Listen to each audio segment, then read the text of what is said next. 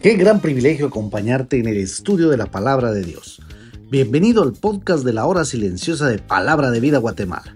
Descubriremos junto a ti los desafíos que Dios nos dará hoy a través de su palabra. Deseamos que hayas tomado un tiempo para leer con anticipación el pasaje del día de hoy.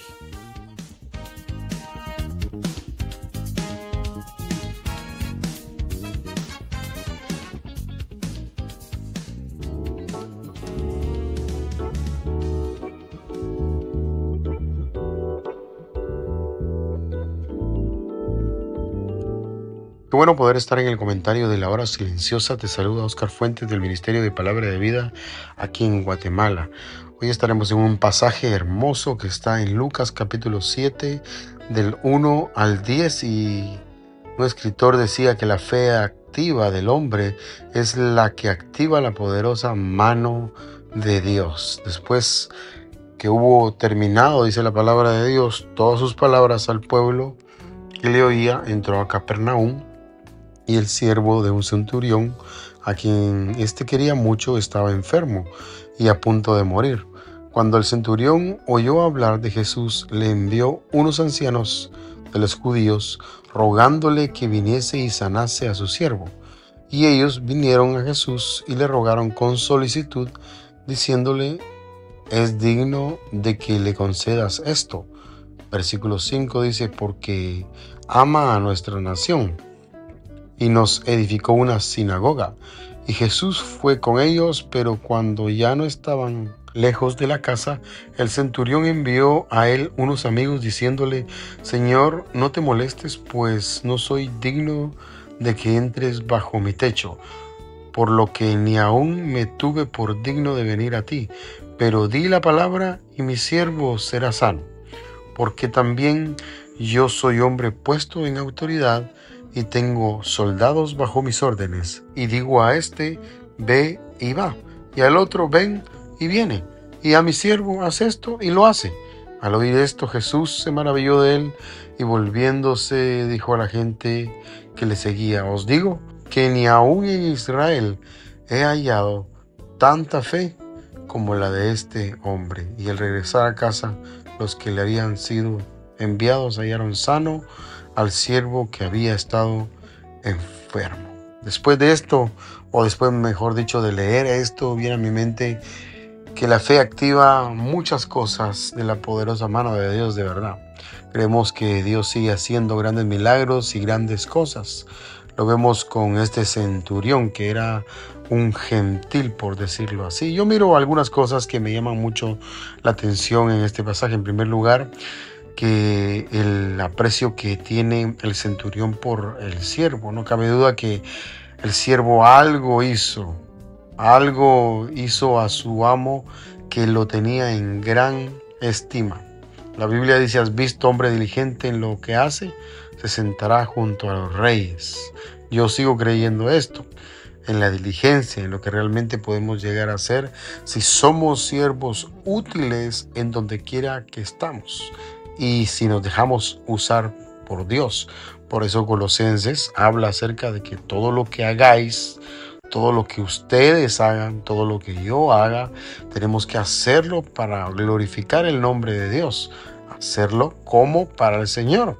Y esto a mí me habla de diligencia, la diligencia que este siervo tenía. Y cuando vemos siervos diligentes también, obvio, vemos amos diligentes o cuando vemos siervos que son dadivosos, vemos amos que también son dadivosos. Y veo en el pasaje que Dios los va a utilizar para dar testimonio de que Cristo vive en nosotros. Eso es lo que puedo reflejar de Cristo cuando yo soy un siervo diligente en todo lo que hago. Dice la palabra de Dios que ellos vinieron a Jesús y dice que le rogaron con solicitud.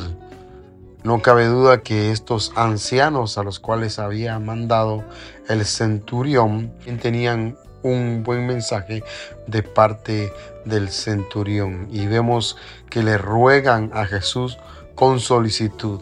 Le dice, es digno que le concedas esto. No cabe duda que el centurión también tenía un testimonio delante de esto. Dice, porque ama a nuestra nación y nos edificó una sinagoga. No cabe duda que si tú estás en un lugar de posición alta y eres benigno para con otros, Dios te va a bendecir y aún otros van a rogar por ti con solicitud por tu buen testimonio. Y la Biblia dice que Jesús fue con ellos, pero cuando estaban ya eh, en camino, dice que mandó a unos amigos para que lo detuvieran, para que le dijeran que no se molestara, pues eh, le dijo que no era digno de poder estar en su techo. Uno podría pensar, Turión estaba utilizando la modestia como una virtud. Jesús no cabe duda que estaba presto a realizar lo que se le pedía a favor del centurión. Él acompañó a los ancianos y a pesar de que era gentil, él ya estaba yendo. A mí me llama la atención porque a pesar de que este centurión era gentil, Dios no hace acepción de personas como se lo dijo a Pedro en cierta ocasión en la palabra de Dios. Él estaba dispuesto a poder ir y él fue para visitarlo, pero Cristo dice que creyó digno de sí el visitar al centurión. Decía un escritor, el hombre no era digno de ser salvo, pero era digno de Dios salvar al hombre. Qué maravilloso saber que Jesús está dispuesto aún a salvar al hombre. Él vino a salvar, a buscar lo que se había perdido. El centurión dio más pruebas también de lo que él tenía como virtud. Iba Jesús con ellos, dice, y cuando ya no estaba lejos de la casa, el centurión envió a él unos amigos. En primer lugar vemos humildad. Señor, no te molestes más, porque no merezco el honor de que vengas a mí lo cual indica el bajo concepto que tenía de sí mismo a pesar de lo elevado de su posición militar y además el alto concepto que tenía Jesús a pesar de que el Señor se hallaba en estado de humillación en el mundo, decía un escritor muy famoso. segundo lugar, decía también de fe. Dilo de palabra y mi siervo será sano. Y a continuación ilustra su fe con la comparación tomada de su misma profesión de la obediencia pronta que los soldados y criados le prestaban a él, con la obediencia que las enfermedades habían de prestar a Cristo como a Señor de la vida y de la muerte. Y veo que Dios actuó el milagro de gran manera. Por eso vívelo. Al oír esto, Jesús se maravilló de él, dice, y volviéndose dijo a la gente que le seguía, os digo que ni aún en Israel he hallado tanta fe. Esto me hace pensar muchas veces de la poca fe que yo tengo en Cristo o en las situaciones que Cristo puede manejar y controlar en mi vida. Por eso, la fe activa del hombre es lo que activa la poderosa mano de Dios. El soberano Dios bendiga tu vida grandemente.